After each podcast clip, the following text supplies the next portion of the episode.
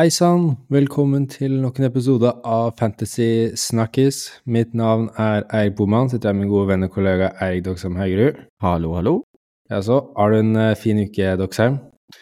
Eh, nei, eh, eller den har ikke starta sånn veldig bra med tanke på Arsenal eh, Champions League i går. Ja, det det. Eh, men eh, ellers så går det ganske greit. eh, mye å gjøre. Bra bra med Mm. det og eh, egentlig en, en Etter litt dårlige fantasy-runder nå, så har jeg faktisk fått en litt god en, så det hjelper jo alltid.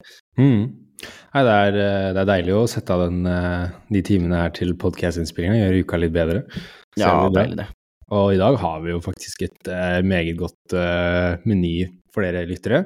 Det Mhm. er faktisk Wildcard spesial denne episoden her, altså. Så vi skal rett og slett bare snakke om wildcard. Og så Mm. skal vi avslutte med en liten dessert, og det er så klart spaltene våre. Så yep. noe mer enn det trenger vi ikke å introdusere, så kan vi bare hoppe rett i det, kan vi ikke det? Det syns jeg vi skal gjøre. Vi hopper rett inn.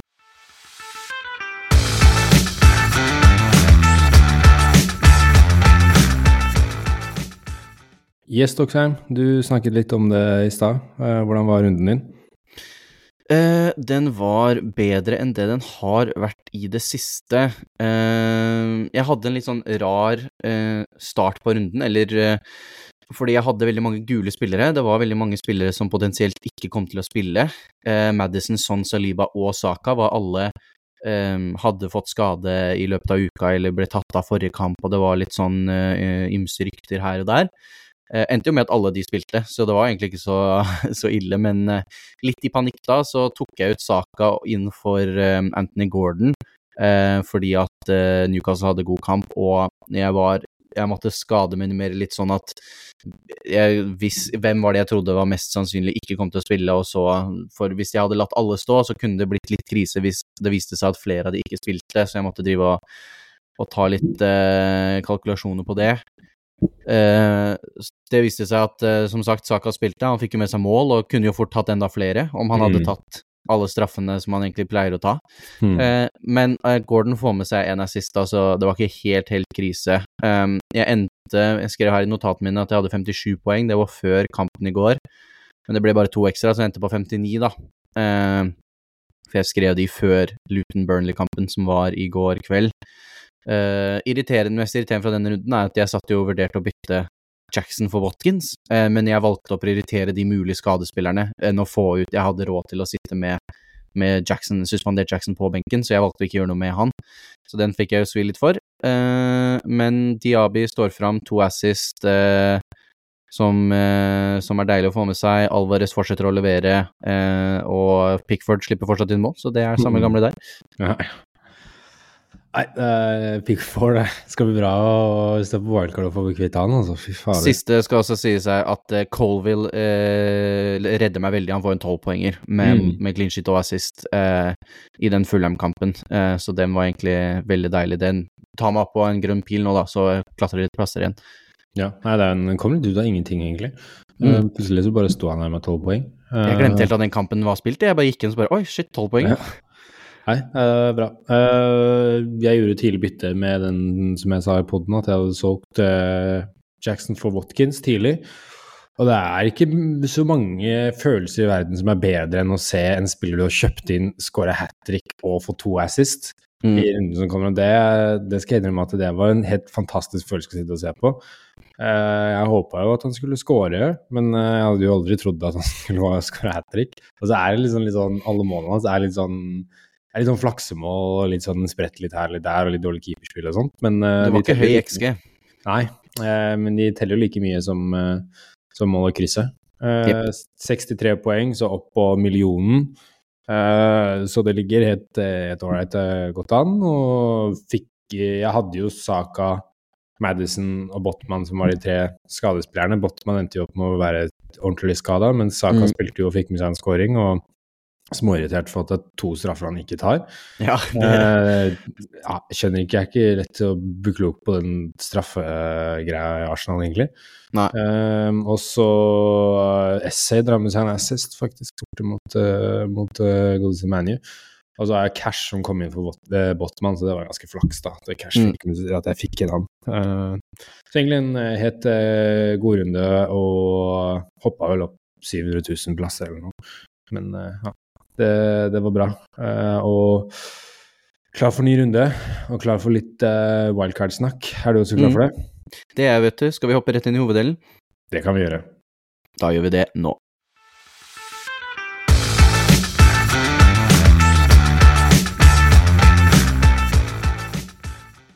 Wildcard-prat, altså. Mhm. En liten uh, wildcard-spesial.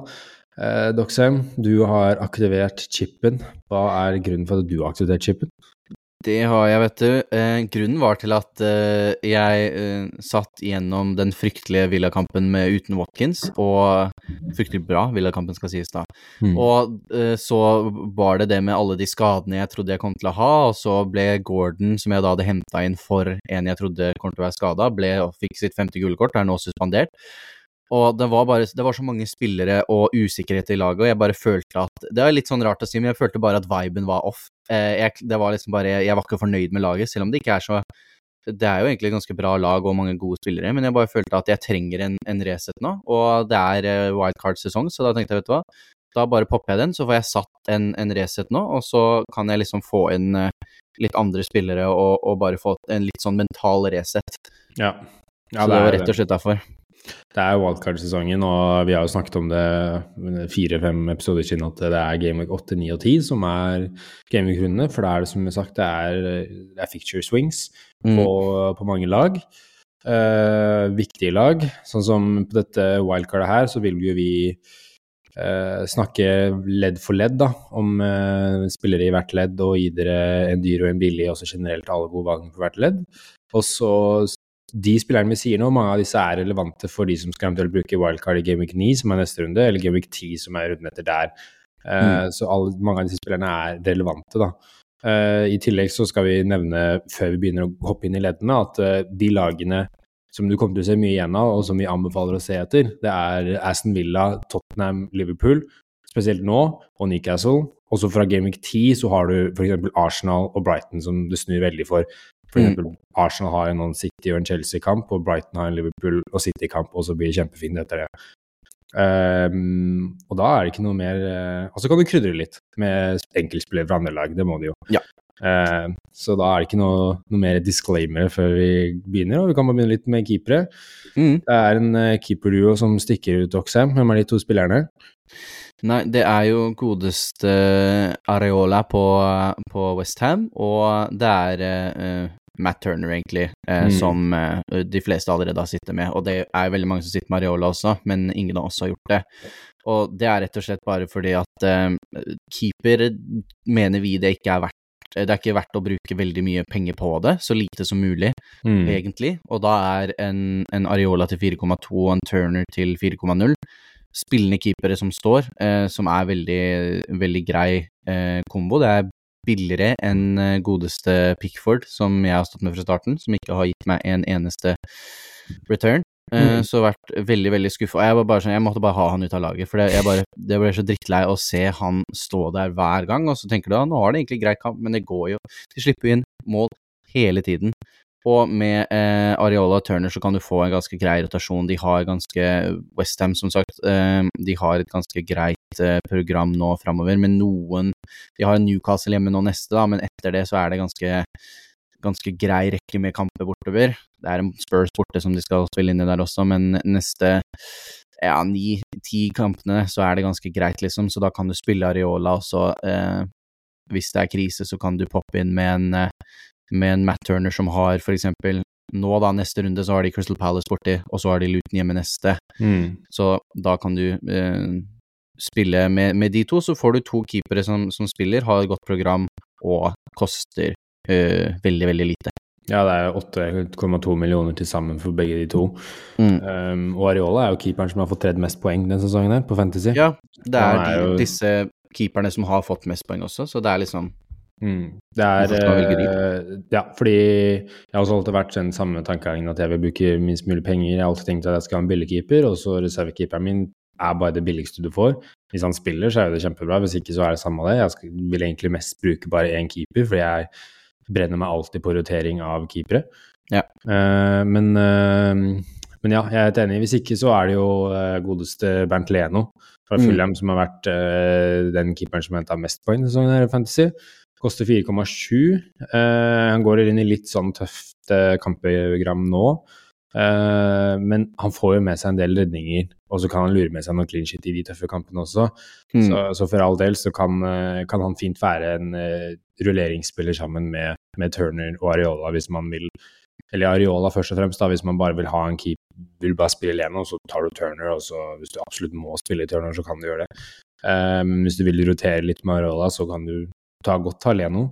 Uh, hvis ikke så er det i tillegg en Johnstone jeg vil også nevne på keeperne, Mm. uh, for Crystal Palace. 4,5 og eid av 1,9% Og det er litt sånn som det var i fjor. Palace, uh, de drar med seg, når de drar med seg clean shit, så får alltid Johnstone mange redninger og bonuspoeng, og får 9-10 poeng hver gang de får en clean shit, da. Som er kjempegull at du får alltid litt ekstra poeng når du først får clean shit på keeperen din. Uh, litt det jeg håpa med, med Pickford, men uh, det har vi ikke fått ennå. Uh, så han er også en fin du kan rullere med en Areola. Og så har jeg sett faktisk på, på Twitter at uh, Neto fra Bournemouth og, og Areola har en sånn perfekt rullering fram til Mm. Gameweek 20. Så hvis du er veldig på den rulleringskjøret, da, for å si det på den måten, og vil ha to spillende keepere og rullere dem rundt omkring, så, så er Neto og Areola den jeg har sett som er den fineste, fineste kombinasjonen, fordi de, de rullerer helt perfekt, da, tydeligvis. Ja, nei, de, jeg har sett på den. De, de gjør det, for å si det sånn. Mm. Så det er jo greit. Men jeg er også litt sånn, altså To billige som kan rullere, men det er alltid greit at, å drive og styre med keeperrullering og sånt, det er uh, ofte Nei, litt sånn. Nei, litt sånn Ikke unødvendig stress, men eh, det er ikke så veldig moro, da, for å si det sånn. Ja, i hvert fall når keeperen på benken sitter med åtte poeng, og så Jeg har jo ikke fått en eneste clean shit på, på keeperen min denne sesongen her, for jeg hadde Pickford. Uh, det er litt uh, For jeg har jo egentlig vært litt on the fence med å poppe mitt, mitt wildcard, men nå har det kommet så mye saker. ikke om skade i går, Essay skal være ute i seks uker, Botman er ute før landslagspausen, og jeg har Pickford i tillegg. Eh, Så nå har det blitt ganske mye sånn eh, Det brenner i laget mitt, så det virker som jeg også må nesten bare poppe det. Vil egentlig spare det fram til Game Week 10 for å ha en liten sånn edge, da. eh, Med at jeg følte jeg hadde godt nok lag inn i de to rundene som kom her, og kunne beholde ja, f.eks. Essay mot Forest, men eh, ja, det, det, ser ut som jeg også må, må bruke wildcard, jeg også, og da er det veldig gira på den Turner-Areola-greia. og Mm. Minst mulig penger på keeperplassen. To gode keepere som kan rullere, og kommer nok til å spille Areola mest. Og han er nok det beste keeperet. Hvis du skal ha en keeper, så velger du Areola. Ja. Mm. Jeg er fort enig med den, men jeg skal slå et slag for de Et lite slag for de dyre keeperne, da, for vi har jo Altså, vi snakker om det gode programmet til Tottenham, så har keeperen deres eh, Gulie... Gu... Guglili Jeg klarer ikke å si Vikario. Vikario, ja. umulig fornavn. Han har jo, om ikke gått under radaren, han er eid av 5,9% som var eh, mer enn jeg trodde, men altså, han står jo for det laget som kommer inn med kanskje det beste programmet nå. Mm. Har Luton borte nå neste kamp. Eh, greier, han, hvis du ser på poengene, han har jo bare fått return to ganger, men han får litt sånn redningspoeng eh, her og der. Eh, men altså, hvis du Det er en sånn keeper man må ta hvis man skal bruke penger på det, men jeg føler fortsatt det er en, to, tre, fire keepere over han som koster mindre på poengene allerede. Eh, også Pope også, er på Newcastle, men han koster jo enda mer enn det igjen. Han koster 5,5. Ja, så- Det er, det er, jeg syns det er for dyrt for keeper, altså, men eh, hvis, man, hvis man av en eller annen grunn vil ha en litt dyrere som man er sikra på, som spiller på et bedre lag, så er jo ville jeg anbefalt Nikar, uh, Vicario eller, eller Pope, men jeg ville ikke anbefalt noen av dem over en billig Areola kommer til å Jeg tror fort han får mer poeng enn begge de to, Mm. og koster mye mindre òg, liksom. Ja, jeg, jeg ser en med Hvis du har en vikario, så kan du jo bare sette den, og så Tottenham kan slå de fleste lag, mens vi vet Westham og Forest kommer til å slite mer enn de, ja, enn de beste lagene, men det er jo mer redninger. Så kan du slå et slag også for disse godeste Arsenal-keeperne eh, som Mm. kommer fra Game Week 10, da. Eh, nå har jo David Raja spilt veldig mye i det siste. Litt Ja. eh, svak involvering på det første målet i går. Eh, jeg vet ikke hvor mye det har å si, men jeg, David Raja er jo Arteta-keeper. Ja. Eh, så jeg er ganske sikker på at den plassen blir David Raja sin framover. Det er jeg ganske sikker på. Ja, eh, så han kan det også fra en Game Week 10 se etter å ta inn David Raja, som har vel synket til 4,9 eller 4,8. Eh, Han var vel 5 fra starten av. 4,8, ja. Ja, så det er jo en veldig bra Game Week 10 hvis du skal bruke wildcard da, så da Raja jeg noe du skal se på. Mm. Definitivt. Videre til uh, forsvar. Mm. Uh, forsvar, det, der er det én mann som jeg syns står ut som det beste valget. Det er godeste Nei, jeg skal slutte å si godeste. Det, det lovet jeg meg selv, det skal jeg slutte å si. Så ja, ikke godeste, bare Trippier. Uh, Trippier eh, han er eh, den Premier League-spilleren som har skapt mest sjanser i sesongen, av alle Mm. Premier League-spillere. Det er ganske imponerende som høyreback. Det er jo litt sånn Trent har vært de siste sesongene. Han Og slår ikke- ekstremt mange innlegg. Ja, eh, og de har jo nå tre fine kamper, eh, eh, Newcastle, og, de, og så er det litt tøffere, men som vi sa i forrige episode, at Trippier er en spiller som du kan bare spille uansett hvem de spiller mot, egentlig. Fordi han, har så, han er så dyr, og så er han i tillegg en spiller som er så farlig framover, som vi sier han skaper mye sjanser, så han er som om du skulle spilt i midtbane da, mot, uh, mot uh, Newcastle. De har nå de tre fine kampene, og så kommer uh, kommer Arsenal på hjemmebane, da, da vil du fortsatt spille, spille Trippier der. Han har jo like Mm. mye sjanse til å få en asset som Bruno Gimarez eller Anthony Gordon, til og med. Mm. Um, og så ja, uh, Problemet med han er at han koster 6,8, og da er det vanskelig. Skal, skal du ha Haaland, Salah, Son, Madison, Saka og i tillegg Trippier? Hvordan gjør man det? Det er jo et problem, da. Ja, Har du Jeg tror nesten det er mulig. Er, Ja, ja. eh, Jeg har, eh, har tenkt på den. Jeg kan si sånn som det står nå, så har jeg ikke Sala i draftet mitt, men jeg Mm. har Trippier. ja. Uh, og det går rett og slett på at uh, hvis jeg skal flytte inn, inn Sala Jeg har sett på noen drafts hvor jeg får det til, men det er at da må du ta bort på så mange andre steder. At eh, om det er verdt det, er én ting, men om jeg har lyst til å gjøre det, er en annen ting. Om det liksom ikke, da blir det litt kjedeligere på hvem du kan ha på de andre plassene. Eh, men jeg, jeg skal jo si at jeg har jo ikke bestemt meg helt ennå. Det kan jo hende at jeg kan Det er lettere å ta bort Jeg sitter jo med sånn òg, da, og det er lettere å få tatt bort en sånn og henta inn en Sala og så må jeg gå ned på en eller annen spiller, da. Men det Mm. er eh, Jeg vurderer også det, men jeg har veldig, veldig lyst til å ha Trippier. Så jeg tror nok jeg, jeg tror nok ikke jeg kommer til å ta han ut for Sala, men jeg kan bli med på å ta ut en sånn, for eksempel, for å få inn en Sala, da. Ja. ja jeg, også, jeg kommer jo til mest sannsynlig til å poppe det wildcardet, jeg også, pga. disse skadeproblemene i laget. Uh, og da Jeg har vel lyst til å få inn, uh, få inn Trippier av den grunn at også har en ganske høy eierandel. Mm. Og det kan være litt tøft, og i hvert fall de tre nærmeste kampene, å stå uten han. Det kan være, være tungt. Eh, Mm. så Samtidig som det er en Livramento som spilte utrolig bra nå eh, i cupen, var det vel, når de slo City, eh, som lurer bak Trippier med tanke på at de spiller i Champions League og sånt. Mm. Samtidig som jeg tror at de, at de satser jo Premier League, eh, kanskje mer enn Champions League, Ja. og vil nok egentlig heller bruke Trippier i Premier League enn i Champions League. Eh, men ja, eh, Trippier er noe, noe man definitivt skal prioritere, prioritere å få inn og se om det gir mening, og så må man rett og slett velge å vrake litt. Mm. Uh, du har jo disse spillerne ned også på samme lag, med Shar, Burn og Botman. Botman er nok mer sånn kanskje hvis du skal bruke wildcard i Game Week 9-8, for nå er den skaden tydeligvis ikke så ille. De regner med at han var tilbake etter landslagspausen. Mm. At det da var han for skulle ho hopefully være tilbake in contention da, etter landslagspausen, så det vil si Game Week 9, Game Week 10. Uh, og du kan jo til og med doble opp med, med to Newcastle. Uh, skal du doble opp med to Newcastle bak? Jeg sitter nå med Trippier og Dan Byrne. Ja. Eh, jeg ville egentlig hatt Botman inne der, men det er med den skaden så er det eh, så er Dan Byrne, som spiller i det samme forsvaret. Han er sikra spilleminutter, og han er, kost, han er billigere enn Fabian Skjær. Eh, Ja. Så han er lettere å, å få inn der, men ideelt sett hadde det vært en, en, en Botman, så eh, litt irriterende med den skaden, for jeg regner med at han ikke spiller nå neste kamp, eh, så må følge litt med på den. Eh, men eh, ja, jeg har dobla opp eh, Newcastle bak. Jeg tenker Hvis vi ikke har Trippier, så er det naturlig å kanskje gå ned til Char. Så Mm. ha Char og Burn. Men jeg, jeg ser i hvert fall for de tre neste gameweekene så ser jeg stor oppsving å ha, ha to, eh, to Newcastle. Burn Mm. som du sier 4,5 kan også benke, i den Arsenal-kampen. Eh, Eventuelt Ja, selge. altså, Og så er det sånn med, med, med Fabian Skjær, så er det sånn han har ikke vært veldig målfarlig denne sesongen. Det har ikke, Dan, Dan Burn har jo fått et mål, han har skåret jo mot uh, Sheffield United. Mm. Men altså, de spiller i samme forsvaret, så de får de samme clean shit-poengene til 0,5 mindre med Burn. Så det er rett og slett bare Mm. Hvis jeg like gjerne ikke skal ha de for, Hvis jeg bare skal ha de for clean shit-poengene eh, i de kampene, så er det sånn ok, men da er det bare å ta han som er billigst av de. Ja, jeg, det er, jeg ser den veldig godt. Mm.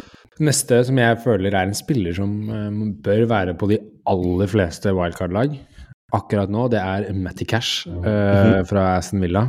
Aston Villa har det beste kampprogrammet i ligaen akkurat nå. Uh, Framover. uh, av alle lag, det er jeg ganske sikker på. Etter min mening, i hvert fall. Eh, Ja, han Det er de eller Tottenham. ja, han koster 4,9 og er eid av 23% så han har en ganske bra eierandel nå. Og han har så stor oppsving med at han, han er en spiller som kan spille ute av posisjon og er veldig offensiv, da, så plutselig så kan han spille wing. Eh, Han er jo nesten en wing i det Ja. ville oppsettet. For Ja. de bruker jo Diabi så, så um, sentralt. Ja, så da, han, han er eh, Og sånn som du så nå, de slipper inn med Brighton, og får med seg en assist. Og nå har han jo økt 0,4 enn det han starta med, da. Så han- han er jo en fem, en null forsvarsspiller, mer eller mindre, som er 4,9. Men han er den beste i det prissjiktet, spør du meg. Og i hvert fall i kampene som kommer opp, så, så syns jeg, så syns jeg Matty Cash er, eh, er, er en must på de fleste valg. Det er litt kjedelig å si det, for jeg eier den selv og vil ikke at eh, flere skal ha den for konkurransemessig, men uh, vi driver jo eh, en ethically podcast her, så da må jeg Ja, ja. jo si at uh, must Matty Cash for den prisen. Han er en god, veldig, veldig fin spiller framover. Uh, har du tenkt litt på Andersen fra da? Han er jo også mm. i det samme prissjiktet. Mest uh, poeng av alle fantasy-forsvarsspillere. Mm, det er ganske sykt. Det kommer jo av at den uh, United-kampen med 15 poeng og den Brentford-kampen hvor han fikk 11 poeng. Eller så har han to returns utenom det. Uh, han er i draften min uh, sånn som det står nå. Ja, ja, han er. Jeg har, er egentlig veldig fan av han. Grunnen til at det er han over enn eksempel Cash, er fordi at for det første ja, Ok, han er 0,1 eh, 0,1 billigere, så det er ikke, har ikke så Ja, mye for prisen. han økte i natt, mener jeg, Andersen. Ja, jeg fikk han inn før det, da, så heldigvis. Mm. Eh, men altså, sånn som jeg står i draften min nå, så har jeg Diaby og Watkins, eh, og jeg, var, jeg hadde ikke lyst på tre Villa, så derfor gikk jeg Andersen over cash. Den vet jeg ikke om står til, til slutt, og at jeg kanskje bare satser på tre Villa, eller om at jeg går bort fra eh, kjører to spisser og ikke kjører eh, Watkins, for eksempel, eller kjører en, en annen spiss, da, men eh, sånn står det nå, og jeg har vært veldig fan av han. Jeg syns han er en kul, kul fotballspiller, og han har jo vært litt eh, målfarlig denne sesongen, da, med tanke på at uh, Crystal Palace under Roy Hodgson spiller mer for, for dødballer, og, og da uh, Tette igjen bak, rett og slett. Ja, Mm. så nei, jeg syns han eh, Og Crystal Palace eh, tror jeg kommer til å være et sånn uh, mid-table, som du vet de holder på til de får de 40 poengene sine, så da De har de ikke nådd ennå, så da er det bare tett igjen, så Mm. Nei, jeg har sett jeg, Som sagt, eh, jeg er ganske fan av han, og han står på med han nå inntil videre. Ja, ja, Andersen er eh, han, ser, han har fått mye, mye bonuspoeng også, har jeg sett. At, Mm. han, Og han- Jeg sjekka statsen hans, han, han ligger veldig høyt eh, blant midtstopper i Premier League eh, eh, på stats som sånn skudd, eh, expected assist, expected eh, Nei, shot creating actions og, og touch i motstanders boks. Mm. Uh, så han har virkelig vært, uh, vært på, da. Det er jo ikke sånn veldig mye per kamp, men sammenligna med andre midtstoppere, da, så er han ganske høyt oppe. Uh, så Og så er det litt, og så får du spredd spillerne dine til litt andre lag istedenfor å ha tre Villa, så har du en i Crystal Palace, så gjør det deg ikke så avhengig av at ett lag har en god kamp. Ja, og så har de nå Forest hjemme, tøff bortekamp på Newcastle, da kan Andersen benkes. Og så Mhm. har du en hjemmekamp mot Spurs, kan godt spille den. Eh, Mm. Du veit aldri hva Palace kan finne på å stenge igjen der, eller en dødball eller noe sånt. Og så har han jo Burnley borte, Everton hjemme, Luton borte. I tillegg Westham borte og Bournemouth hjemme, så der er det, der er det seks eh, Ja, seks veldig gode Nei, fem. Fem veldig gode kamper eh, etter, eh, etter Newcastle og Tottenham. I nei, Palace også, hvis du ikke du har råd til Andersen, så kan du gå ned til Tarek Mitchell også, som, eh, som er venstrebekken deres. Som Mm. i teorien med tanke på posisjonen skal være mer offensiv, da. Uh, ja, så ja, Andersen og Mitchell fra Palace. Uh, det er en til uh, fra 4,5. Eller det er egentlig flere, men da tenker jeg på de som ikke kommer fra, fra Tottenham. fordi vi må snakke litt om de Tottenham-gutta også. Men før vi snakker om de to Tottenham-bekkene, Tottenham så vil jeg nevne Kofal fra, fra Westham. Uh, 4,5 og 1,1 eierandel. Uh, en veldig aktiv høyreback som, som, får med seg assist, og han spiller for et Akkurat nå så er det jo et av de er jo topp top fem, topp seks lag i Premier League, men jeg ser Westham på som et OK pluss Premier League-lag. De kommer mm. til å avslutte Sånn som de har starta nå, så, så, tror jeg de kan få topp top 10, topp 11. Men mm. jeg kan også se at de dropper helt av og ramler. Men jeg tror de er ikke sånn som i fjor, der de kjempa mot nedrykk. Og da kan Kofal være en god uh, enabler da, til 4,5. Du kan spille han i de fine kampene, da kan få med seg en assist, og så går det fint å benke han. Og koster bare 4,5. Mm. Hvis du vil ta noen andre enn Andersen eller uh, Colwell, som også er en 4,5, så, så syns jeg Kofal er en fin liten joker. Han har jo 1,1 eierandel, da. Ja, det er jo um, en større gamble med en høyere oppside, da, som, mm. som det da blir. Uh, for jeg tror utenom Bowen så er nok uh, så er nok ikke Så er Westham litt underrated kanskje fantasy-messig, da. For det er litt vanskelig å Du har liksom Jared Bowen som er eh, en spiller som er involvert i det mye, som er lett og er litt safere, da. Men mm. det, jeg tror det kan være mye verdi å hente i Westham om de fortsetter sånn som de har, da. Ja, og det er ikke så mye sånn Du gambler ikke så mye med en 4,5 forsvarsspiller. Det er ikke noe sånn at du gambler med kapteinen din, eller at du, du gambler ved å gå uten ja, Haaland eller uh, Trippier eller sånn, liksom. Det er ikke en så stor gamble å bare ha en kofan. Du kommer ikke til å mm. tape så mye på det. Videre til eh, Tottenham-gutta. Kan begynne med å si at eh, kampprogrammet deres, for å få det ut først, da, som er så attraktivt De har Luton borte, Fulham hjemme, Palace borte, Chelsea hjemme og Wolves borte de neste fem. Der er det mye poeng å hente, eh, både mm. defensivt og offensivt. Og nå snakker vi om defensivt. To mann, Odogi og Porro. tenker du om de to, Doxheim? Nei, jeg tror de er, ehm, er, veldig smarte valg. Problemet litt nå med Spurs nesten er at man bare kan ha tre av de, så du må liksom velge. Mm. Eh, jeg syns jo, eh, som har jo snakket ofte om hva vi syns om å ha tre fra samme lag, det er litt risky. Så er, hvis du ser på å ha to, da, så kan du enten ha en av forsvarsspillerne og en av midtbanespillerne, eller som jeg kjører nå, to av midtbanespillerne. Det er mange som kjører Madison sånn. Mm. Men eh, hvis du ikke vil ha begge de to, eller ikke vil bruke de pengene da, på en sånn og Madison, så ville jeg anbefalt å kjøre en Udoge. er veldig bra, han var jo veldig bra fra starten nå, når du kunne få han til 4,5. Mm. Uh, har gjort sakene sine bra for det, og Pedro Porro også er interessant. Han er jo bare eid av 6,7 så der er det litt å, mm. litt å hente òg, og har virkelig uh, fått den plassen i, i, Tottenham nå. Så begge de to syns jeg er, er interessante. skulle ønske at Pedro Porro var litt billigere. 5,0 er litt ja. Der oppe med Da er det liksom Er han bedre enn en, en cash, liksom? Ja. Så det er jo den du må ta, men absolutt begge de to. Med det programmet uh, Tottenham har, så hadde de jo spilt uh, Hatt lyst på Pedro Porro om han spilte for mm. dårligere lag, liksom. Så ja. sånn sett så Han har jo en vanvittig fot også, egentlig, Porro. Mm. Uh, og begge har jo fått 26 poeng i sesongen her, men så har du mm. 0,3 billigere og en høyere eierandel, så du har jo mer å hente på andre motstandere, men mer å tape motstanderne dine hvis du velger Poro. Uh, så det er litt sånn make your choice, tenker jeg. Det er, vil du gå opp 0,3 for å ha en som er kanskje mer offensivt, uh, eller vil du gå ned 0,3 for å ha en som uh, Jeg vil ikke si at han er så veldig mye dårligere offensivt enn Poro, men det lukter litt mer sånn brent av Poro når det går framover enn det gjør av Odogi. Ja, og så er det jo eh, Tottenham har jo ikke vært veldig sånn supersolide defensivt denne sesongen. De har to clean sheets. Mm. Um, så det, det, er det å tenke på, og sånn framover også. Så nå skal de jo møte litt dårligere lag, men de fikk ikke til å skape nesten noe mot ni mann mot Liverpool, så det er ikke sånn at de er helt oppe i toppen, uh, flying high Manchester City-type, liksom. De kan ikke rulle over hvilket som helst lag, Nei. men de har jo Du kan jo ikke si at de ikke har fått en bra start på sesongen og har blitt et mye bedre lag, så det er det. Man må bare ikke, ikke tenke på at det er ikke, det er ikke City, liksom, at nå kommer de til å Det er nesten garantert seier og poeng. De er litt ustabile bak, og de, sliter, de kan slite litt framover òg, men mm. i det programmet de kommer inn i nå, så er det mye dårligere lag enn Liverpool de skal møte. Ja, de, de, de slo jo så vidt Sheffield United, og så spilte de jo helt mot Brentford, som ligger nedi, litt nedi sumpa uh, i starten av sesongen. Så de har mm. jo slitt litt mot de litt dårligere lagene. Men de skårte, de skårte fem borte mot Burnley, liksom, så hvor Ja, de kan skåre fem borte mot Luton. Ja, de burde, de burde det. Mm. Luton ja, Det er ikke mye å skryte av.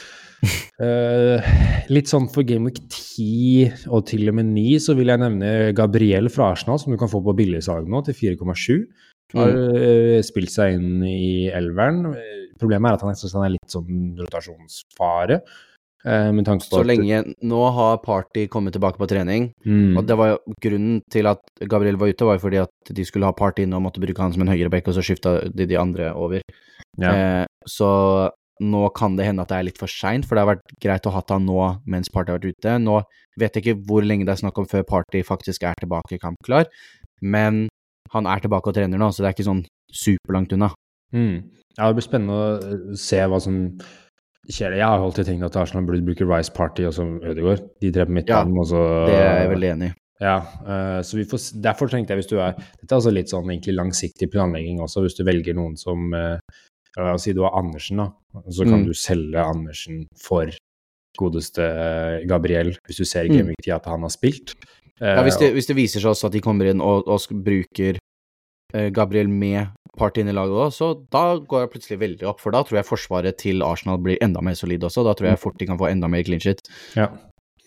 Hvis ikke så er det siste forsvarsspillerne som skal nevnes, er Robertson og Trent fra, fra, fra Liverpool. Jeg syns ikke de Mm. er aktuelle nå.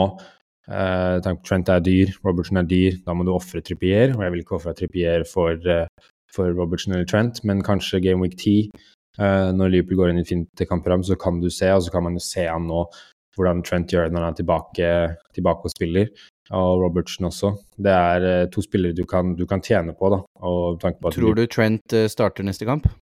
Ja, han gjør vel det. Eh, Gomez Det er har spilt, spilt bra, og og han skal ha veldig kudos for at han har spilt bra, men, uh, men nå går vel Trent tilbake inn i, i den uh, startelveren. Det kan bli, kan bli litt tett mot Mitoma der, men det er litt også fordi Jones er nå suspendert til tre kamper, så tar Trent inn den midtbaneplassen Ja. som Jones har, og skyver McAllister litt mer opp, så det er nok eh, for systemets skyld så kommer nok, eh, kommer nok Trent rett inn i den eh, rett inn i startelveren. Mm. Men det, det er i hvert fall to du kan, du kan tjene litt på, da, hvis du går for de, og Liverpool har jo sett bra ut. Ble totalt rana i helga. Uh, Eh, ja. ja, så du ser jo at uh, dette er et lag som, som skal være med i år, med tanke på at de spilte så bra med ni og ti mann. Uh, så, Robertson også er på andreplass på ICT-indeksen av forsvarsspillere, så litt uh, Gått litt under radaren der, kanskje. Det, ja, det er, jeg, jeg vil ikke ha til på wildcard akkurat nå, med mindre du har litt, litt, litt lyst til å gamble litt, men jeg men Game Week 9-10, så, så tror jeg du skal Du kan vurdere det hvis ikke du har Trippier, da, og ikke har noe tro på Mm. dem. det skremte meg hvor gode Liverpool egentlig var med så få menn mot Tottenham. Mm. Det laget der, når, når de får tilbake alle og får litt, hva skal vi si, av fakt dommerne gjør jobben sin, så kan de fort bli veldig skremmende. Altså, de har hatt en veldig Hvis, du, hvis de eh, hadde fått det målet sitt, da, ser den kampen annerledes, kunne de fort vunnet den kampen, fått med seg poeng, så hadde de vært eh, fortsatt ja, og, ikke, og fortsatt ha, ikke hatt noe tap, og virkelig Mm. fått en flying start. Ja, det er, eh, det er synd at eh, den kampen ble som den ble, men eh, Mm. samtidig så var det jo kult å se hvor gode de kan være med ni mann, da. Og Mm. dette er en gruppe som de vil. De vil. I fjor var det så litt sånn tafatte ut. I år ser det ut som nå er de det er litt på gang, og det skal mye takket være spillere som har kommet inn som Shoboslai, som virkelig har satt litt fyr på det laget. Mm. Um, vi har en litt sånn billig og dyr på hver eh, for å gi dere det beste billige alternativet og det dyreste, beste dyre alternativet da, Mm. uh, i forsvarsleddet. Uh, jeg kan bare si mine to fort, og det er en Hvis jeg skulle valgt én billig, så ville jeg valgt Dogi 4,7, eid av 18,4% og så dyre ville jeg valgt Trippier 6,8 Mm. og eid av 42 Eh, På mine, eh, vi har allerede snakka om den også, så gå fort gjennom dem. Eh, Ganske like pris, da, men den billigste er eh, Joakim Andersen, 4,7, eid av 11% Og på dyr så ville jeg tatt Matty Catch, som koster 0,2 mer, på 4,9 og eid av 23,1 eh, Ja. Det tror jeg er de beste. Eh, De fire totalt er de eh, fire vi- vi ville anbefalt. Ja. Videre til eh, midtbanen. Mm. Jeg syns egentlig midtbanen har blitt litt mindre interessant enn det en gang var. Men det er kanskje fordi jeg bare vi har blitt litt lei av å snakke om midtbanen. Ja, vi snakker mye om dem. Ja, men uh, store debatten på midtbanen, det er ikke noen tvil. Det er uh, Sala eller No Mo. Mm -hmm. um, var, du sa jo at du ikke hadde Sala. Mm. Uh, grunnen Jeg kan begynne litt bare med, med, å si argumentene for og imot fort, da. Mm. Argumentene for Sala er jo at han er utrolig bra kaptein for Game Week 9 og 10. Da har de Everton og Luton. Da kan du putte bindet på han. Han har en lav eierandel i gåsetegn, eh, som gjør at du med på 31,9% som betyr at du tjener veldig mye på eieren. Og jeg tror den kommer til å gå litt ned den eierandelen, for det er mange som kanskje har noe og ikke skal ha den på wildcard.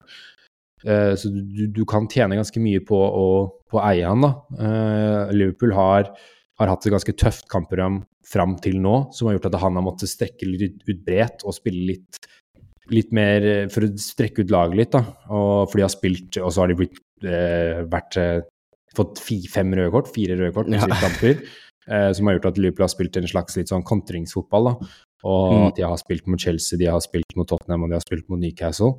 Uh, og Aston Villa, for så vidt. Uh, men nå møter de Everton og Forest hjemme, og så har de Luton borte, Brentford hjemme, uh, Fulham hjemme, Sheffield United borte og Palace borte i syv av de neste åtte kampene. det er en sitt inni der også, men det betyr at det, da vil Salah trekke mer sentralt. Han vil ligge litt og snuse på kanten av 16-meteren, som betyr at han vil være litt mer småspill rundt boksen til motstandere. da. Mm. og, og Salah vil være i større skuddposisjoner. Uh, og gjøre at han kan få en han kan ha oppsving med at han kan få flere mål da, enn han har hatt tidligere nå, der har han vært litt mer sånn tilrettelegger. Uh, og, og det, de gjør at uh, du har en større oppsving på mål på Sala. da. og så imot, Argumentene imot er at han koster 2,6. Det er ganske mye penger på en spiller. Mm.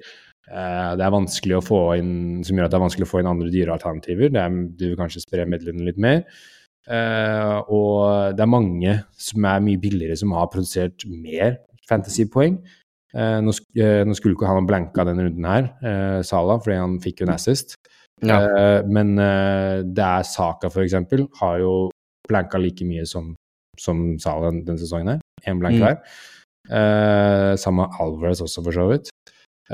og da kan det like godt gå ned til f.eks. en Louis Diaz, som er fem millioner billigere og ser minst like farlig ut som Sala. Og jeg syns ikke han har hatt like høyt tak som han har hatt tidligere. Um, litt pga. den posisjonen hans. Mm. Uh, så det føler jeg er litt argumenter imot og for. Uh, du valgte ikke å gå Sala. Mm. Er det litt av de grunnene der, eller har du noen andre grunner du har valgt for ikke å gå an?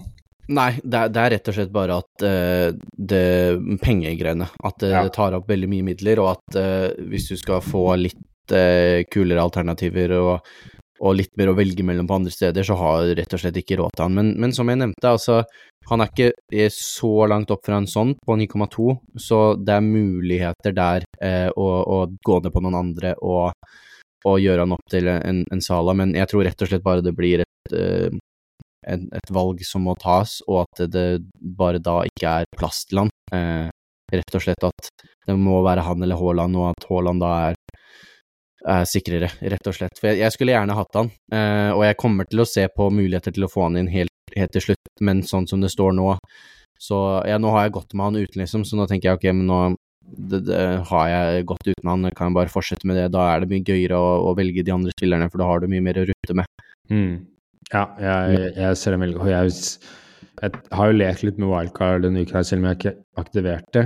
Og da har mm. det vært mange draft jeg har hatt uten han og sett at dette her er jo Det er like greit å bare ha Louis Diaz mm. hvis jeg skal ha en Liverpool-spiller med, med, tanke på det kamprammen de går i fra Game Week 9. Det var litt derfor jeg ikke ville bruke heller wildcardet mitt, for da kunne jeg få med meg Salah i den Brighton her, Everton, og så til og med kanskje jeg kunne dreid det og fått med meg den Luton-kampen. Mm. Eh, men nå ser, hvis jeg skal på wildcard nå, så ser det litt ut som det er, det, er, det er bedre å gå uten han og bare ta en Diaz hvis du vil ha en Liverpool. Uh, ja. Darwin også offensivt. Jeg, jeg, Eller en uh, eh, Shuboslai. Ja, Shuboslai også. Mm. Uh, så det er ja, jeg, jeg, lener meg litt imot å ikke ha han selv. Mm. Jeg ser den veldig godt.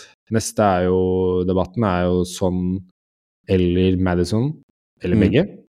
Hva tenker du om de to? jeg har jo stått med begge, og står med begge fortsatt her. eh, rett og slett bare Mm. fordi at eh, det, det føles litt dumt å bytte dem, eh, en av dem ut med det programmet de har. Eh, de har vært eh, veldig i form, og jeg tror altså at eh, i de neste kampene, Luton borte, Fulham hjemme, Crystal Palace borte, til og med Chelsea hjemme, Wolves borte, Aston Villa hjemme, der tror jeg det kommer til å, å komme mange mål. Mm. Og selv om de lekker litt bak, eh, så tror jeg at de kommer til å skåre en, en god del mål i de, de kampene, og da har Madison og sånn vist at de er veldig på og veldig involvert i mye av det som skjer. Mm. Nå spilte Richarlison var jo tilbake i eh, Hvem var det? Mot Liverpool, da, og spilte på spissen. Og Nei, sånn var også han spilte spiss. Richarlison Ja, spilte nei, wing. sant. Det var Mm. um, Det var uh, På den appen jeg bruker, så sto det at sånn var ute på kanten, men så var han spiss. Så Mm. da Ja, det, da går det argumentet ut av, uh, ut av vinduet for han. Det skulle si at han, han spiller fortsatt spiss, um, til og med når Richarlison er med i laget. Eh, Mm. Så da uh, er han jo enda nærmere mål og, og alltid truer bakrom, så Nei, det blir litt Jeg tror det virker litt sånn rart å liksom måtte å ta de ut på det programmet de har. Mm. Uh, uh, jeg er ikke imot mot tanken og, ja, jeg har jo Mm. stått med de, Mm. eh, og jeg tror nok jeg kommer til å fortsette å gjøre det. Jeg er ikke Ja. helt imot eksempel å, å bytte ut en av de mot eh, eksempel en Tottenham-forsvarer eller noe sånt, da, men, eller, og som sagt å gå opp til en Sala, men det er liksom hvem av de tar det ut? Eh, jeg, Ja. Da kommer jeg bare til å eh, slå, slå meg sjæl hvis når en av de skårer de kommende kampene, liksom, så Programmet deres er liksom for bra til å ikke ha de med begge når jeg allerede har hatt de. Ja, eh, du må i hvert fall ha én av de. Det Ja. er litt sånn Hvis ikke så, så spiller du ikke fantasy riktig. Um, og jeg syns jo sånn er det beste valget. Bare sånn hvis du bare setter Madison og sånn opp mot hverandre, så er det det beste valget, men så kommer jo pris inn, og da kanskje litt annerledes mening. Og så har det vist seg at sånn blir huket av litt tidlig. Eh, ble tatt av Mm. tidlig mot Liverpool og har blitt tatt av tidligere i sesongen. eh, som er litt argumentet for å kanskje ha Madison, for Madison spiller jo hele tiden. Han er litt sånn, eh, litt sånn som Esse i Palace. Han er hjertet i det laget og, og styrer skuta fra midtbanen, rett og slett. Mm. Eh, var fantastisk god mot Han kunne fått med seg assist og scoring, eh, i hvert fall en scoring, men Alison redda jo mesterlig, og så hadde han jo den nøkkelpasningen til Richarlison som endte opp med scoring til sånn. Ja, så, så Madison Argumentet for Madison er at han er billigere, da, Mm. enn en sånn, men jeg har veldig lyst til å ha begge, jeg også.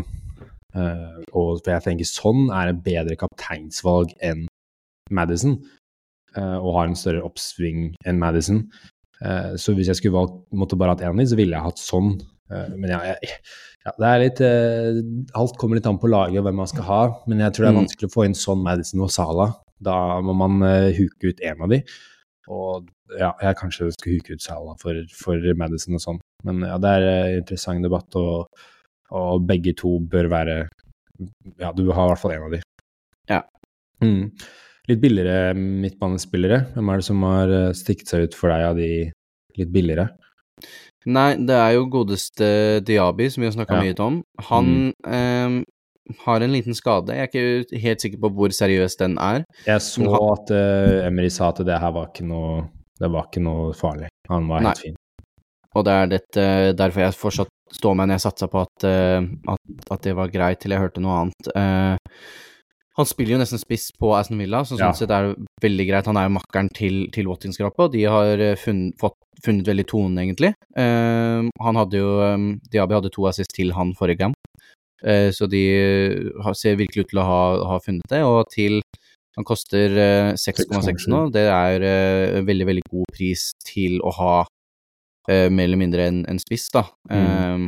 Og da ligger han jo rundt i det sjiktet som, som Mitoma, The Brighton-gutta og de der, og jeg føler at han er kanskje nå den beste i det sjiktet. Mm. Helt enig.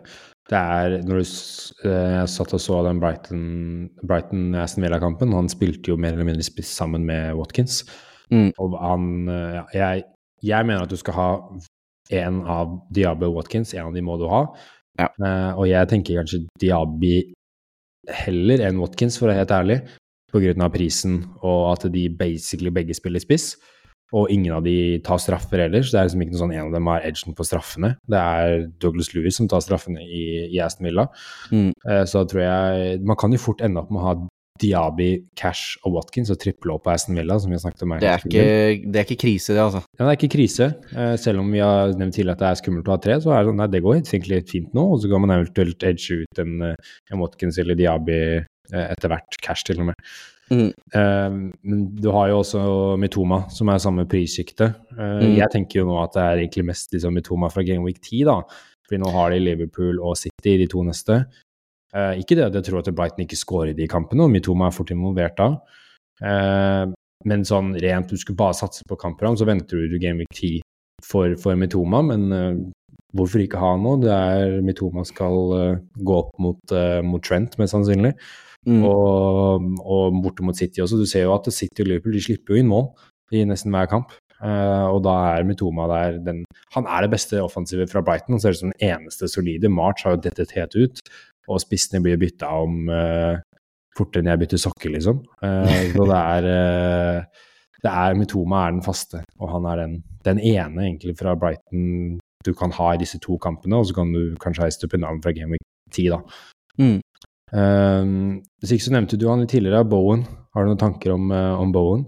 Jeg har veldig, veldig lyst til å ha Bowen inn på laget ja. mitt. Jeg, jeg, tror jeg hadde han inn og ut sånn tre-fire ganger når jeg satt og, og, og, lagde draft i går. Han er dessverre ikke inne akkurat nå, eh, men jeg kan ta Soboslai ut. Jeg, jeg fortsetter, å stå, fortsetter, å stå, med Soboslai, selv om jeg, jeg, er litt usikker på Ikke noe tvil på at han er en veldig god fotballspiller, jeg bare litt usikker på hvor god fantasy-spiller han er. Mm. Eh, for han er litt mer sånn Sånn som jeg har sett seg nå, så er han litt mer tredje assist enn ja. han er faktisk assist, som er veldig bra uh, for uh, Liverpool som lag, men ikke veldig bra for meg som fantasy-trener, for du får ikke noe poeng for de gjennombruddspasningene som fører til en assist, liksom. Mm. Uh, så jeg kan gjøre han direkte til Bowen, og det frister, frister veldig, altså. Jeg syns Jared Bowen bare er en Han er en god fotballspiller, uh, og han passer veldig godt til det, til det Westham-laget, til Moyes fotball. Veldig rask, alltid truer bakrom, alltid på, og, og fått med seg ganske gode. Han har en tolvpoenger den sesongen, to nipoengere, to sjupoengere. Har vært veldig på, altså. Mm. Eh, så de har Newcastle hjemme nå neste kamp. Eh, som Westham hjemme tror jeg fort kan bli eh, tøffere enn det det har pleid å være. Så jeg, jeg syns at eh, den kampen er greiere enn det Fantasy skal ha det til. Mm. Eh, og så kommer det Villa borte, Everton hjemme. Der skal det i hvert fall være mål. Brentford borte, Forest hjemme, Burnley borte, Palace hjemme. Så er det en Spurs-kamp, Fulham Wolves. Det er mange gode kamper der, altså. Og jeg har litt lyst til å investere i det i det uh, Westham-laget, og da er det liksom Bowen eller også en, faktisk en Ward Prowse, syns jeg hadde vært morsomt å ha. Mm. Eh, men eh, hvis jeg skal ha en av dem, så, og jeg har råd til Bowen, så ville jeg gått med han, for han er, han er alltid på og alltid involvert i det Westham holder på med offensivt. Jeg prøvde å se om han var tatt ut til, eh, til, landslaget nå, men jeg finner ikke noe Jeg vet ikke om det har kommet ut ennå, jeg tror kanskje ikke det. For jeg lurer på Bowen bør jo være i ganske god contention til å være med på det, det landslaget nå. Han burde i hvert mm. fall få en plass. Ja, men, eh, virkelig. Southgate liker jo å ta ut spillere som ikke spiller fotball. Han skal ha 17 høyrebacker, så da er det vanskelig å få inn noen andre, vet du. Ja. Nei, jeg Bowen eh, ja, han Ja, som du sier, den Villa-kampen, den tror jeg fort Westham kan vinne, ass. Mm. Eh, og Newcastle-kampen. Ja, som de har spilt nå denne sesongen der mot Brighton, eh, mot for så vidt City og Liverpool. Eh, nå tapte de mot City og Liverpool, men de var jo De kunne jo ja, Bowen fikk på seg mål mot Liverpool. Ja, så de kan jo eh, måten de mot Brighton så lykkes de jo veldig med den kontringsfotballen. Så lykkes de ikke helt mot City og mot, eh, nesten mot City. Mot Liverpool så, så ramla de litt sammen i andre omgang, men i første omgang mm. så var de jo fullt på høyde med Liverpool.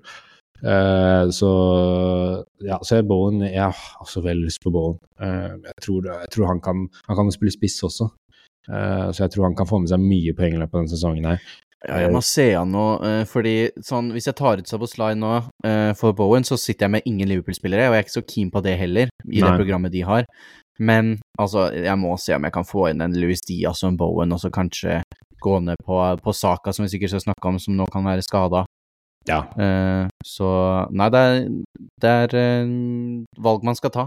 Ja, for å ta den uh, Arsenal-diskusjonen, da, med en gang siden ja. du nevnte Saka. Mm. Ikke av med skaden nå. Ja. Jeg er vel ganske enig i at det her var dårlig spillemanagement av Saka. Han har jo spilt jækla mye fotball. jeg kan ikke skjønne meg ja, jeg, jeg, kan ikke skjønne meg helt på det. Sånn, Én ting er at han er den beste spilleren og han skal spille så mye han kan, men du så det når han var usikker til Bournemouth-kampen, drar med på bortekamp, spiller mot Bournemouth, og så er han med eh, nå til Frankrike for å spille bortekamp i Champions League. Og du, jeg blir bare sittende sånn Han måtte gå av etter en halvtime, var det, mot, mm. eh, mot Lance.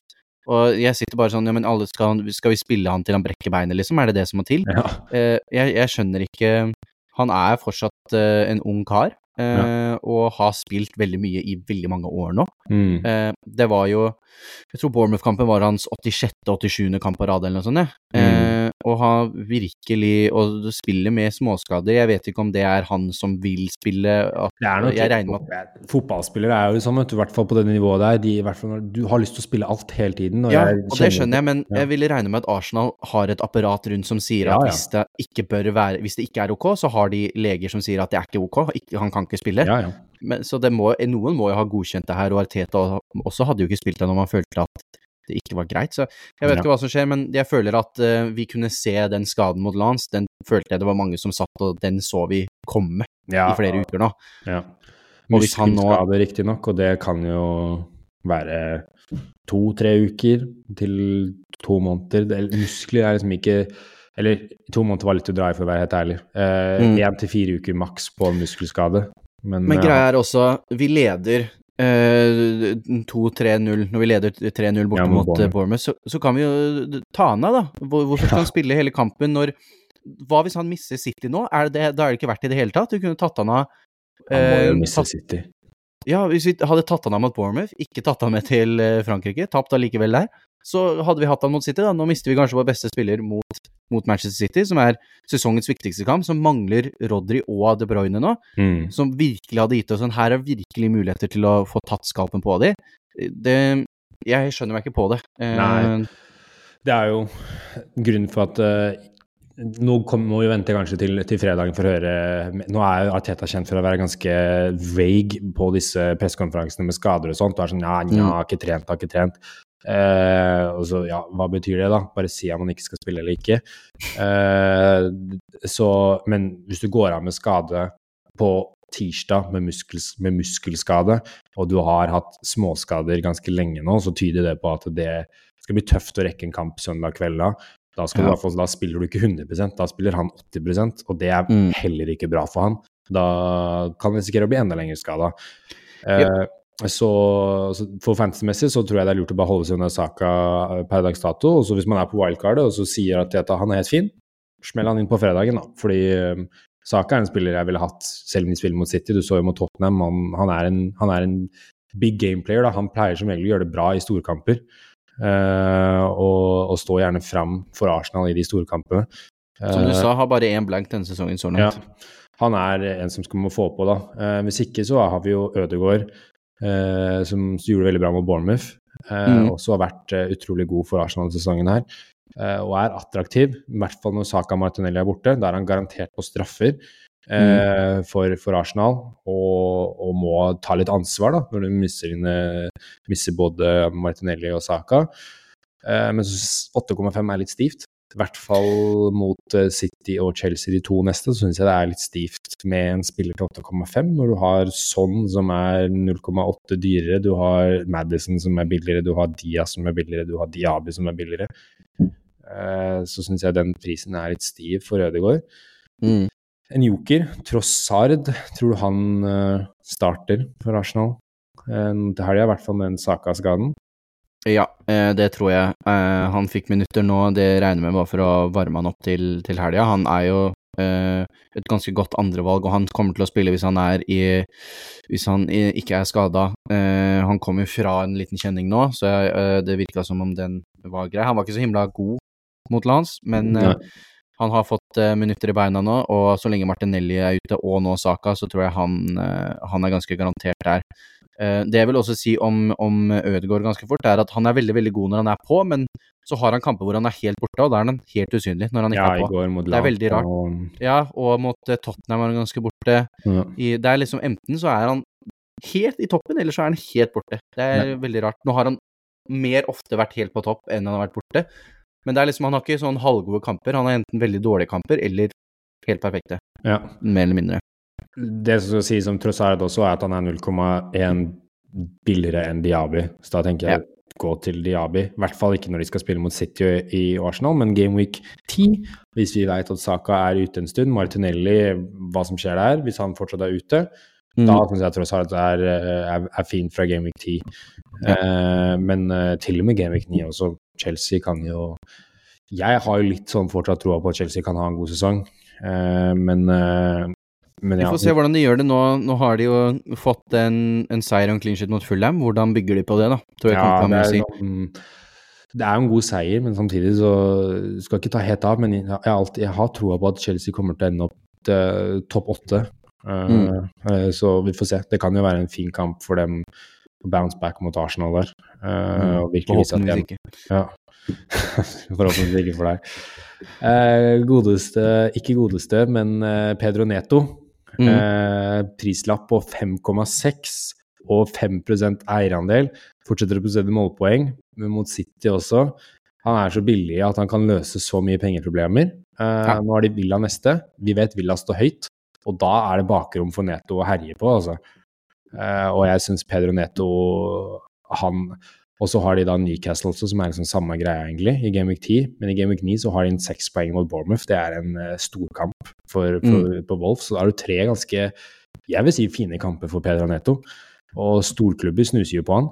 Uh, da vil det gi litt ekstra motivasjon. Jeg ser jo at um, Han er egentlig perfekt for et Manchester United som ikke har høyreving. da. Uh, ja. Arsenal snuser på han. Liverpool har sett på han som en en slags erstatter for Sala. han slår ikke eh, kjæresten sin, så vidt vi vet. Det er ja, en bra start for de også. Ja, det er bra for ManU. uh, jeg syns han, eh, han, er en veldig fin enabler på midtbanen på, mm. for, for, folk som trenger litt penger, da. Hvis jeg skulle si min ideelle midtbane på et wildcard i Gameweek 8, mm. så ville det vært Son, Madison, Diaby, Sala og Bowen. Det er mine fem sånn i en helt ideell verden så hadde det vært mine fem midtbanespillere. Har du fem du skulle sagt vært sånn Dette er den Hvis jeg kunne bare hatt de fem midtbanespillerne, så ville jeg hatt disse fem. Uh, uavhengig av pris? Litt, ja, du tenker helt sånn Litt logisk, men samtidig som For jeg tenker det er jo mulig å få inn en sånn Madison Diaby, Salah Bowen. Det er en mm. mulighet, mm. men da må du ofre litt her og litt der. Uh, men det er en Du kan jo også Jeg kan jo si Neto istedenfor Bowen, for å være mer realistisk også. Så sånn Madison, Diaby, Sala og Neto. Ja, jeg måtte ha hatt en, en Madison og sånn inne der. Eh, en Diaby, eh, hvis han er frisk, som mm. det da virker som han er. Fort må det bli eh, en Bowen inni der. Eh, jeg ville hatt Saka inni der, men hvis han er ute med skade, da, så det, det, er kjedelig å si, men det er jo altså en, en, en, Sala, da. Det er ganske likt det du ville hatt. Det er de spillerne som er eh, Som har de beste kampene, og som ser, ser best ut nå. Mm. Eh, når du liksom Når det Hva som er veldig realistisk, og hva man helst eh, bare sett på midtbanen skulle hatt, er to forskjellige ting, og da blir det, da blir det sånn. Ja. Dyr og billig. Hvem er din dyr mm. og billig-valg? På billig så har jeg sagt eh, Jared Bowen. Eh, mm. Og billig i den Han koster 7,2, da, som er eh, litt av de dyrere av de billige, hvis man kan si det sånn, men fortsatt eh, billigere enn min dyre. Eh, eid av 15,6 poeng. 15,6 eh, Som vi har snakket om, jeg, jeg syns han er en, en, god fotballspiller, og han, han, er alltid målfarlig uansett hvem Westham spiller mot, egentlig. Mm. så jeg har veldig, veldig sans på ham. Dyrespilleren min skulle være eh, Bakayo Saka. Eh, han eh, virker jo å være skada nå, så da er det dumt å, anbefale han inn. Så da vil jeg nok endre han til, til sånn, som mm. den dyrespilleren. Som har en eiendel på 25,9 da. Ja, som er mye mindre enn Sala. Sånn Eller mye mindre enn Saka, mener jeg. Ja, jeg sier også sånn som mitt dyrevalg, og så Diaby som mitt billigvalg. Ja, det er gode valg. Videre til angripere. Der uh, har jeg sett noen snakke om å kjøre uten Haaland. Og mm. det kan jeg ikke helt fatte og begripe, for å være helt ærlig. Uh, for meg så er det totalt uaktuelt. Vi vet han kommer til å skåre mål. Vi vet han kommer til å være et godt kapteinsvalg. Uh, for meg så er det idiotisk å gå uten han, selv om han ikke har skåret. Um, det er vanskelig å bytte seg opp til han også. Hvis, han først, hvis du tenker at jeg skal gamble og gå uten Haaland, og så skårer han nå to kamper på rad, så er det sånn å oh shit, hva gjorde jeg? Og så er det vanskelig å komme seg opp til, eh, til Haaland, altså. Det er Ja. ikke bare bare. Da må du mikse og trikse litt her og der, og så plutselig så har du brukt minus fire, minus åtte for å få han inn igjen. Eh, så, så stå med Haaland. Han er i hvert fall en av spissene dine. Han har eh, en expected goals på over én per kamp, så Mm. det er uh, forventa at han skal skåre over ett mål i, i hver kamp, liksom, hvis du ser på gjennomsnittet, så Nei, det er eh, Han må nesten bare inn, altså. Det er altfor utrygt, eh, er jeg enig i, å gå uten han. Altså, til og med sånn mot Arsenal nå. eh, I fjor så skårte han tre mål, han på to, tre eller fire mål på de to kampene mot Arsenal, liksom. Mm. Så nei, han må nesten med, ass. Så jeg har sett mange som har blitt lei av, eh, av Alvarez. Mm. Uh, selv om han fortsetter å prestere, så ser jeg folk er litt lei av han. Uh, jeg ser jo den, og i hvert fall hvis folk skal endre om til en 3-5-2-formasjon istedenfor en 3-4-3, som mange har spilt nå, mm. uh, så vil man ha Haaland og Watkins og eventuelt Darwin, som vi skal snakke litt også om. Eh, så ser jeg at mange vil da gå ned til en kjempebillig spiss, og istedenfor å ha Alvarez. Eh, så jeg, jeg ser den argumentet og, og, og sånt, men nå går, også i tillegg så har folk sett at City går inn i tøffere kampprogram. Uh, Guardiola klager mye på, på kamper. Uh, helt riktig, spør du meg, at han skal klage på det, for de Mm. spiller jo altfor mye kamper. Uh, og da, og som City-spiller så er man jo alltid rotasjonutsatt, uansett hvem man er, egentlig. Uh, men så lenge KDB er skada, så tror jeg Alvarez får mange minutter i den KDB-posisjonen. Eh, Ja. Og han er jo på dødballer og alt det der. Uh, og så føler jeg det er litt, litt sånn skille der, da. Nå at man kan være safe og fortsatt beholde Alvarez. Man vil ikke tjene så mye på det, man vil ikke tape så mye på det. Eller så kan man gå uten Alvarez og gå for, uh, for noen, Haaland og Watkins, Darwin spiss. Og så kan du tjene veldig mye på det, samtidig som du kan tape veldig mye på å ikke ha Alvarez også. Mm. Eh, så jeg føler det er litt sånn der, skal du spille safe, eller skal du ta en liten gamble der? Og personlig så heller jeg litt mot å egentlig litt lyst til å gamble på å ikke ha han, eh, for å være helt ærlig, med tanke på hvordan jeg tenker i hodet mitt å ha drafta med wildcard, at det blir en 3-5-2, og skal jeg ha Alvarez og Haaland som to spissene mine. Eh, hva er dine tanker om, om Alvarez? Jeg tror at grunnen til at mange er uh, lei han, da, som, uh, som du nevner, er at uh, han var liksom en joker, og som var liksom sånn som ikke så mange hadde, og så plutselig så kom alle på bølgen, og nå har han nesten 32% eierandel, som er sånn oppe med Salah liksom, eh, og, og Madison og sånn og de gutta. Så nå er han litt mer templet, da, og da, er det jo, da blir det med en gang kjedeligere å ha han, fordi da er det litt sånn som alle gjør. Men jeg, har jo, jeg var ganske tidlig på han og har tjent ganske greit med det, og Altså, jeg skjønner at flere eier han nå, men han fortsetter jo å levere. Eh, Mm. Du så sist nå han skårer på frispark.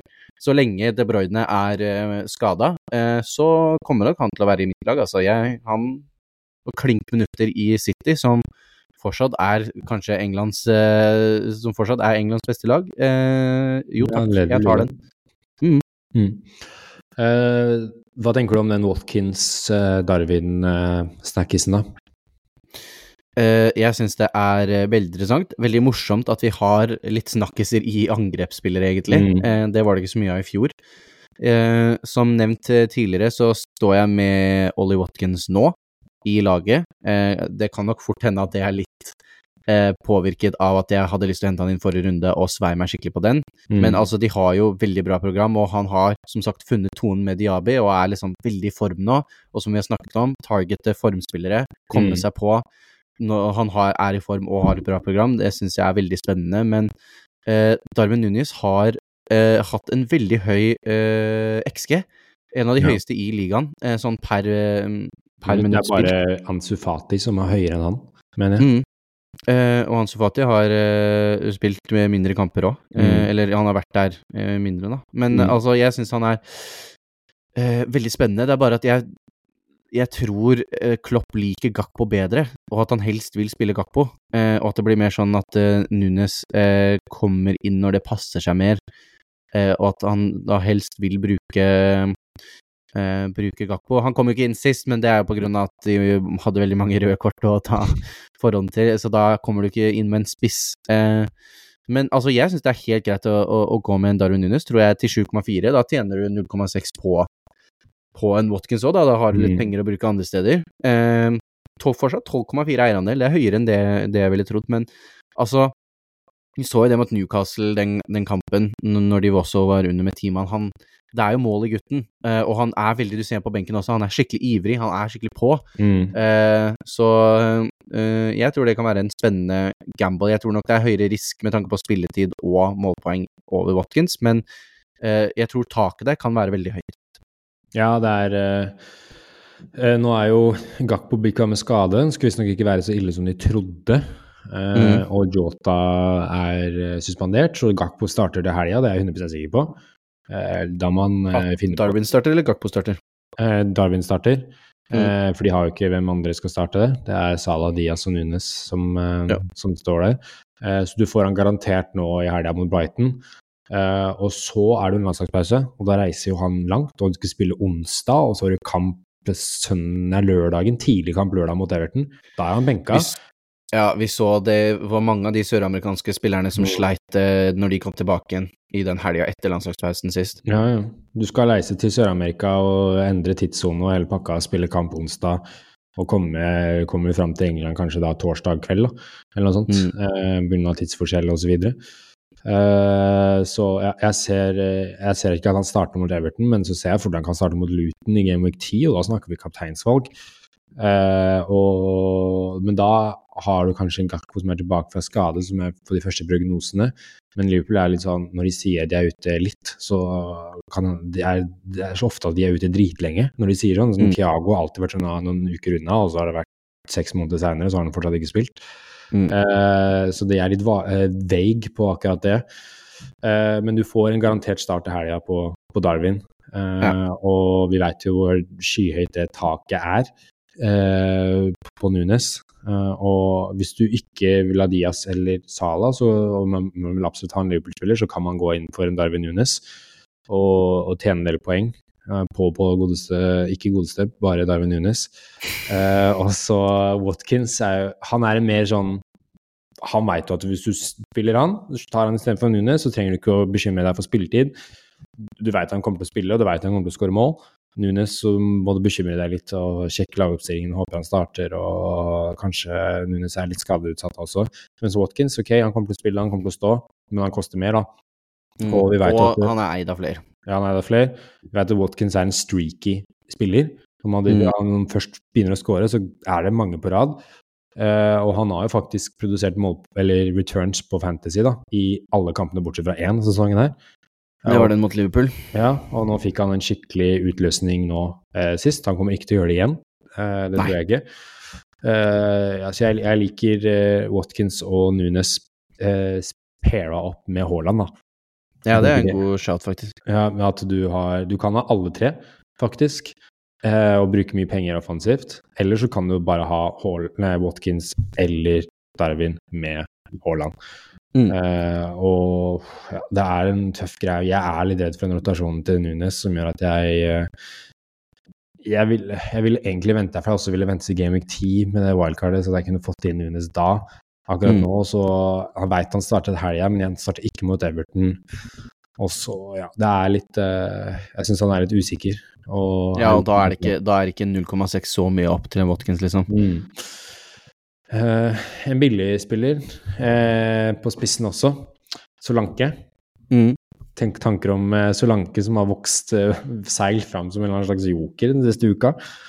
Ja, nei, altså, jeg er jo litt fan av den bare fordi at de skal møte Everton denne helga, og det, der skal det skåres mål. Mm. Pickford holder ikke clean shit, så da kommer det et mål, og da er jo fort Solanke involvert i den Eh, for Bournemouth. De jakter jo fortsatt seier, de må jo få litt poeng snart. Mm. Og de kommer inn i Kanskje den streaken de har nå de neste tre kampene, er den beste som man kan få på et helt år. De har Everton borte, Wolls hjemme og Burnley hjemme. Mm. Uh, der hadde hadde bare vært en Luton inni der, og kanskje en Sheffield, så hadde den vært bedre. Men altså, det er veld tre veldig gode kamper. Jeg, jeg, tror fort Solanke kan få med seg ett eller to mål på de tre kampene, og da tror jeg han har gjort til den prisen han har eh, jobben. Mm. Eh, spesielt nå mot Everton, da, som, som sagt jeg er 100 sikker på at, på at Bournemouth skårer den kampen. Og, mm. og, da er det stor sannsynlighet for at det er eh, Solanke som er involvert i det. Så jeg kan Altså, jeg vil ikke ikke forvent for mye av han, men akkurat nå, hvis du kjører wildcard nå, og har han de neste tre kampene, så tror jeg han er, kan være verdt det. Ja, han er jo, han er jo på straffer. Og som Mm. du sa, fem på ICT-indeks alle spisser. Og Bournemouth har hatt et tøff, tøft åpningsprogram. De har spilt mot mange gode lag. Og Mm. han har likevel fått return i fire av syv kamper. I de, eh, alle de tøffe syv kampene. Og du sa jo Everton Wolves Burnley, og så tenker jeg at du kan benke han mot City, som kommer etter der. Du kunne muligens spille han mot Newcastle hjemme også. Og så kommer plutselig Sheffield United på bortebane. Villa hjemme kan også spille han, og så Palace borte. Så han har, han har et langtidsprospekt også. Og hvis du ikke har, vil ha pengene opp til Alvarez, da, og du vil ha, spille en 3-4-3 med Watkins eller Darwin, Haaland og en tredjespiss, og du ikke har pengene til Alvarez, så kan du gå ned til Solanke. Eller hvis du bruker minst mulig penger på spissene dine og bare kjøre Solanke, Haaland og så en, den billigste spissen du får. Det er jo som tanke. Det kommer litt an på Hvis du skal ha en veldig dyr midtbane, da, hvis du skal ha den drømmemidtbanen som jeg snakket om med Salah, Madison, Son, Bowen øh, og Hvem var det siste? Jo, Diaby. Mm. Så, så kan du ha Haaland Solanke. Så kan du kanskje ha Trippier bak der også i tillegg. Mm. Uh, så så det, er en, det er en fin tanke. Det drar oss kanskje Jeg tror vi begge to sitter med han som billig, billig spiss. Ja, Ja. Det er eh, Beste det billigste, beste du får. Jeg tenker jo også at hvis du skal ha to og Det kommer litt an på hvordan strategien din er, da, men hvis du skal ha en spillende 4,5 spiss, så velger du Archer fra Sheffield United. Det er den Mm. billigste spissen du får, og han spiller. Eh, men hvis du skal ha en tredjespiss som også er spillende, så velger du Solanke. Enig. Ja. Dyr. Dyr så har jeg satt uh, Ollie Watkins bare fordi at eh, han er en formspiller med veldig bra eh, program framover nå. Mm. Target de, få det på. Nummer to på ICD-indeksen, bare bak uh, Haaland. Har hatt mer poeng enn Haaland akkurat nå. Eh, mye på grunn av den forrige runden hans, da, men eh, fortsatt. Eh, er på, og det er liksom Det er nå man skal Nå man må komme på han i dette gode programmet, og så eh, er han eh, det nest beste valget på spiss etter Haaland, syns jeg. Mm. Nei, da sier jeg Darwin Nunes. Mm. Mm, siden du sa Watkins. Kapteinsvalg mot Luton i Gameweek 10. Til og Mm. med nå mot Brighton kan, han, kan du gamble med tanke på at Haaland spiller mot, uh, mot Arsenal. Så Ja, det- kan du gamble på en, eh, på en Darwin i den kampen. Det er ikke Rob Holding i forsvaret hos Arsenal lenger, så Nei, det var uh, lang og god hoveddel. Det var Ja. mye å snakke om. det er mye på valgkart, vet du. Ja, det er mye å snakke om. Det var godt, det. Det var fint å få Mm. løsna litt Jeg håper å si eh, hodeplagene med, med dette wildcard-greiene. Og Ja. håper dere ble litt klokere, dere som hørte på også. Vi tenker vi tar litt spalte, vi. Gjør vi ikke det? Det gjør vi, vet du. Vi hopper rett inn.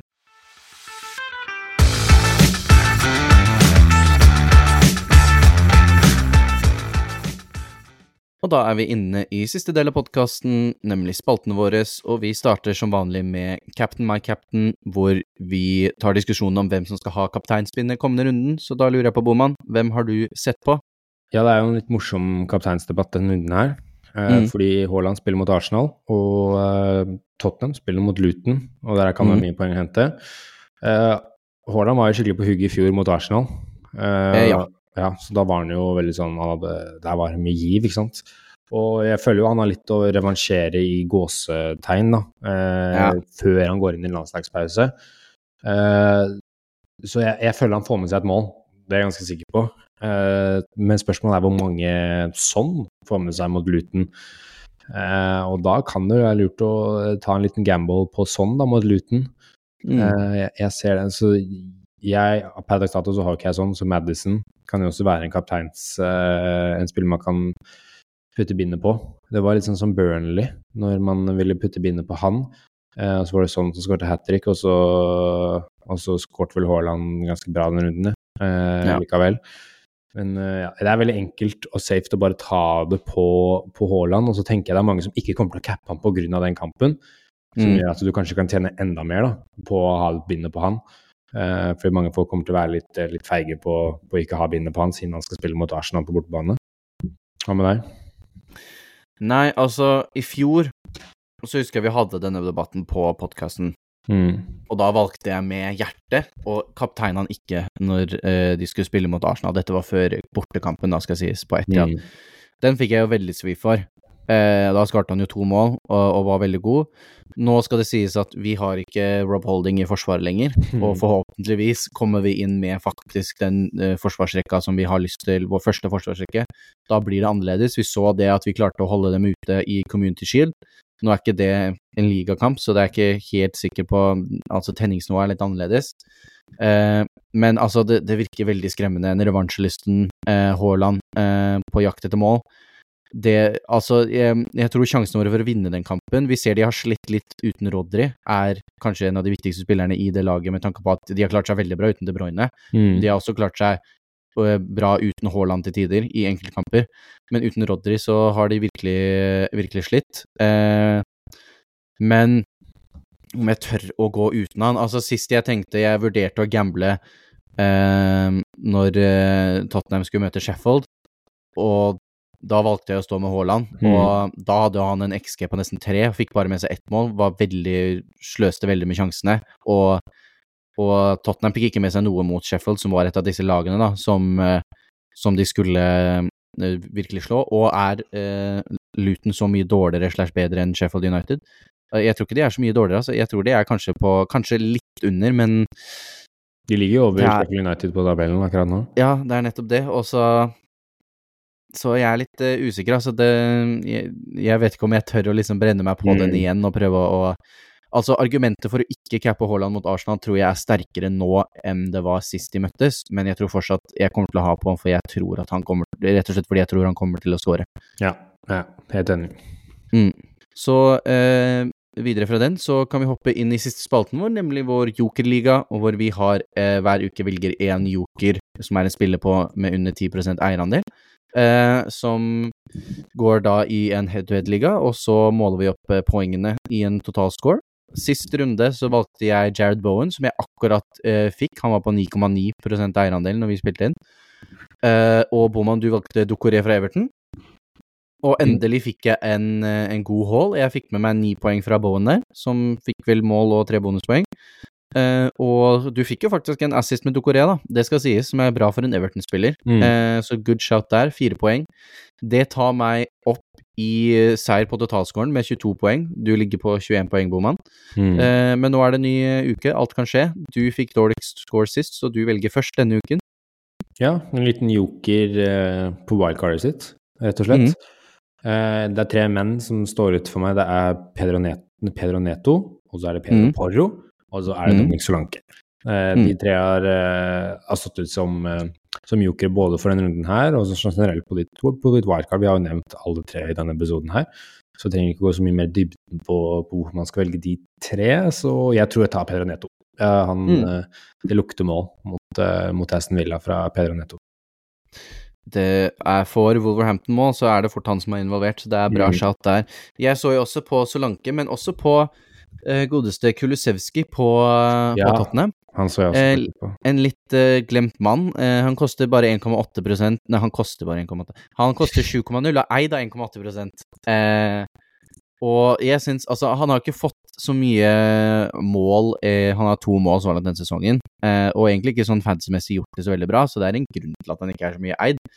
Men han, han er altså så mye mindre eid enn alle de på i den eh, frontrekka til, eh, til, Tottenham, og han spiller veldig jevnt. Har spilt mer eller mindre 90 minutter hele, hele kampen, eh, hele sesongen.